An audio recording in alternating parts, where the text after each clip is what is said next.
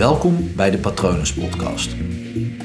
Mijn naam is Paul Vet en in deze podcast deel ik inspiratie voor een leven vol vrijheid en verbinding.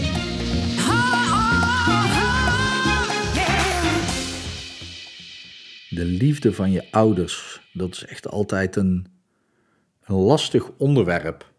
Omdat we, nou ja, jij hebt ouders, ik heb ouders, iedereen heeft ouders, anders zou je er niet zijn. En over het algemeen vinden we met z'n allen dat onze ouders ons beter hadden kunnen opvoeden. Andersom vinden jouw ouders en mijn ouders dat ook weer over hun ouders. Dus zo kunnen we helemaal terug tot aan de oerknal of God of wie daar ook aan het begin de touwtjes in handen heeft genomen. En ik denk, wat jeukt er allemaal, maar er loopt een spinnetje over mijn hand heen.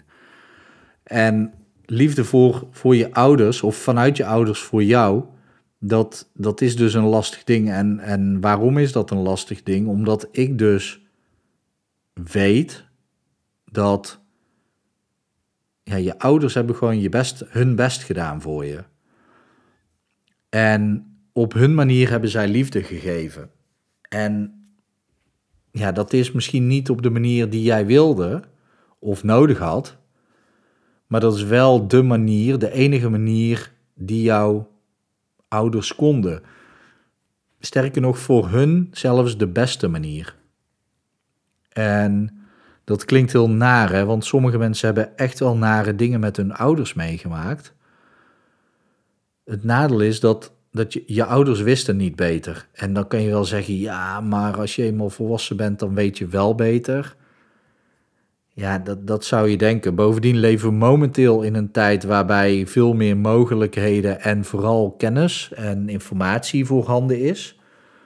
Een periode van jouw ouders waren gewoon anders. Toen was dat veel minder voorhanden. Dan heb je natuurlijk nog zoiets als gezond verstand. Maar zelfs, nou ja, ik had het er laatst met een bevriende therapeut over. En die, die was een gezin aan het begeleiden. En in eerste instantie kwam de tienerdochter bij haar en kwam er naar boven dat haar ouders haar sloegen vroeger. Ik weet, niet of dat ze dat toen nog deden, dat is me niet helder. Maar vroeger sloegen zij haar. En uiteindelijk uh, kwamen die ouders ook in dat gesprek. En dan niet met, met de tienerdochter uh, erbij, maar wel in, in het gesprek met de therapeut. En zij hadden dus gewoon niet door dat dat niet een, ja, een positieve manier van opvoeden is. Niet de juiste manier. Zij wisten gewoon niet beter. Zij dachten dat dat er juist aan bijdroeg bij een goede opvoeding. En ik sla nu echt even plat, hè, want er, er zitten wat nuances en haken en ogen aan. Maar dit is wel waar het op neerkwam. Zij waren ervan overtuigd dat die manier van opvoeden de, de beste was. Want zij hadden een andere manier van opvoeden gekregen van hun ouders en die werkte niet. En daar waren zij verbolgen over. Dus zij zijn het anders gaan doen met hun dochter. En ja, dat zie je dus vaak. Vaak ofwel je doet hetzelfde als je ouders, of het tegenovergestelde. En er zit vaak ook geen balans in, geen, geen middenweg. En dat maakt het gewoon lastig, want diep van binnen zal de ouder altijd het beste voor hebben met het kind. Maar soms kan de ouder niets anders dan alleen maar zichzelf staande houden. En dat is dan ook het beste wat je voor een kind kunt doen. Want als de ouder omvalt, dan heeft het kind helemaal niemand meer. En natuurlijk kan je in deze maatschappij zeggen: ja, hier in Nederland zijn er altijd opvangmogelijkheden. Maar dan kom je bij de primaire basisbehoeften van een ouder, namelijk staande blijven voor je kind. En daar kunnen soms dus dingen uitkomen die gewoon, ja, die zijn niet gezond. Dat kan. Maar een ouder die zal altijd op zijn of haar manier het beste doen voor het kind. En op het moment dat je als kind zijnde daar op die manier naar kunt kijken en je ouders dat kunt vergeven, dan helpt dat met je eigen heling. Sterker nog, in therapie laat ik mensen regelmatig een uh, viertal zinnen uitspreken. En ik heb echt hele mooie transformaties daarin meegemaakt. En ik zal je die zinnen geven. En het helpt om ze gewoon letterlijk uit te spreken. Het mag naar je ouders, dat, dat is helemaal krachtig. Het kan ook gedoe opleveren, dus wees even verstandig daarin. Het gaat echt om het uitspreken vanuit jezelf, alsof je het naar um, een van je ouders doet. Dus kies er altijd één uit en doe het daarna bij de ander. Maar in de eerste instantie, en dit is ook een techniek die ik gebruik in die hypnotherapie. Ehm, alleen dan doe ik het in hypnose en dan is het net even op een andere manier, net wat krachtiger. Maar jij kunt het ook doen. het eerste wat je, is niet eens een zin, maar het, het eerste wat je te doen hebt is je hart te luchten. Lucht je hart richting je vader en je moeder.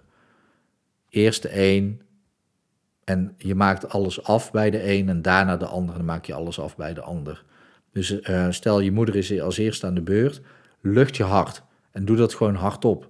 Doe alsof je moeder gewoon voor je staat en zeg alles tegen haar wat je te zeggen hebt. Alles. Gooi het er gewoon uit. Schreeuw het eruit desnoods. Echt hou je niet in, maar laat je echt helemaal gaan. Want dat helpt je om te helen. Alles wat is vastgezet in je lijf, wat je nu niet uit laat komen, dat blijf je bij je dragen. Dus lucht je hart en gooi dat eruit. Een tweede, wat je, als je dat helemaal hebt afgerond, wat je dan te doen hebt, is je moeder te vergeven. Te vergeven voor alles wat zij heeft gedaan. En ja, maak daar ook je eigen woorden van, maar vergeef haar. En zeg ook tegen haar, op dat moment wist jij niet beter en jij koos op dat moment de beste optie die op dat moment voorhanden was. Dit werkt. Dus eerst je hart luchten, daarna vergeven. De volgende stap is, mama, ik hou van je. Ook die, die zin uitspreken, letterlijk, mama, ik hou van je, die, die zorgt voor heling in je eigen systeem. Dat zeg je niet voor je moeder, dat zeg je voor jezelf. En nadat je echt volledig je hart hebt gelucht en haar volledig hebt vergeven, dan kun je ook zeggen, ik hou van je. Ik hou van je. Ik hou van je mama. Belangrijk om uit te spreken. En dan de laatste stap. Een zin die ik heb uitgesproken op de dag dat mijn moeder overleed. En dat is ook de dag waarvan ik zeker wist: oké, nu dringt het tot haar door. Is dankjewel. Dankjewel, mama, voor alles wat je voor mij hebt gedaan en gelaten. Gewoon die volledige zin. Dankjewel, mama, voor alles wat je voor mij hebt gedaan en gelaten. Als je die vier dingen uitspreekt, dus eerst je hart luchten, daarna vergeven, dan houden van en dan ook nog dankbaar zijn. Als je die echt doorloopt, dan ontstaat er een helingsproces in jezelf.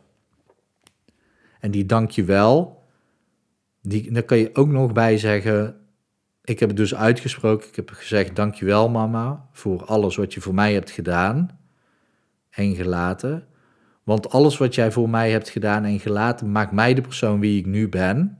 Voor een groot deel, hè? want dan ben je met zelf ook verantwoordelijk en ook je vader en zo. Maar goed, we spreken tegen alleen je uh, ene ouder uit. Dit is ook echt heel mooi om dit dus in het echt te doen. Dankjewel voor alles wat je voor mij hebt gedaan en gelaten. Dankzij jou ben ik de persoon geworden wie ik nu ben voor een groot deel. En daar ben ik je super dankbaar voor, want ik ben trots op wie ik ben. En op het moment dat jij dat uitspreekt, waar je moeder op dat moment bij is, ja, dan ontstaat er een heling in heel je familiesysteem, maar ook in jezelf en ook bij je moeder. En dat is gewoon iets heel moois om te ervaren, iets heel dankbaars om te doen en echt transformerend. En als je dat hebt gedaan, dan ga je dus de volgende stap naar je vader Zeg tegen je vader wat je wil zeggen. Lucht je hart. Hetzelfde, gewoon alles eruit. Gooien, schreeuwen, alles doen. En wat ik zeg, het is soms niet handig om dat echt te doen naar je vader toe. Dus doe het dan gewoon alsof hij voor je staat, alsof je hem voor je ziet. Lucht je hart, roep gewoon alles tegen hem. Daarna vergeef je hem. Daarna zeg je: Ik hou van je papa. Gebruik ook letterlijk de woorden papa en mama, want dat zorgt ervoor dat het beter beklijft. Waarom? In het familiesysteem zijn je ouders groot en jij bent klein. Ook al ben jij misschien al langer geworden en sterker, misschien zijn ze er al niet meer. Maar door ze gewoon papa en mama te noemen, dan zet je het gewoon weer terug in de juiste, juiste verhouding. Dus lucht je hart naar je papa. Ik vergeef je papa. Ik hou van je papa en dank je wel papa voor alles wat je voor mij hebt gedaan. Want alles wat jij voor mij hebt gedaan en gelaten, heeft voor een groot deel gezorgd wie ik ben. En ik ben trots op wie ik ben. Dus daar mag jij ook trots op zijn. Dank je wel papa. Gewoon letterlijk die zin. En wil je dit echt uitspreken, dan kan je hem echt op pauze zetten en gewoon weer even terugspoelen en echt even die zin overschrijven. Maar zeg het hardop. Als je deze twee dingen hebt gedaan, eerst bij je moeder en daarna bij je vader, of andersom, maakt niks uit. Sluit daarna je ogen niet als je nu auto aan het rijden bent of iets anders aan het doen bent. Ehm, maar dan neem ik aan dat je deze woorden ook niet hebt uitgesproken. Dus doe dat gewoon echt even wanneer je rust hebt voor jezelf. Maar sluit dan je ogen en plaats dan in gedachten je moeder links achter je. Plaats haar links achter je, want dat is de plek voor je moeder om te staan. Plaats haar links achter je. En plaats dan je vader rechts achter je. Gewoon in gedachten. Dus visualiseer dat je beide ouders achter je staan, waarbij je moeder links achter je staat en je vader rechts achter je. En zie dan ook in gedachten hoe zij elkaars handen vastgrijpen. Dat ze elkaars handen vasthouden. En dan kan je nog een stapje verder gaan. Zorg dan dat in gedachten je moeder haar linkerhand op jouw linkerschouder legt en je vader zijn rechterhand op jouw rechterschouder. En dan kan je in gedachten een beetje achteroverleunen en dan voel je de steun van je beide ouders in je rug. En als je dan voor je kijkt met je ogen dicht, dan zie je dat jouw toekomst vrij is, dat je wordt ondersteund door je vader en moeder, omdat die dus gewoon altijd wel liefde hebben gegeven op hun manier. Zij wisten niet beter, zij konden niet beter. Je hebt je hart gelucht, je hebt ze vergeven, je hebt gezegd dat je van ze houdt en zelfs gezegd dat je ze dankbaar bent.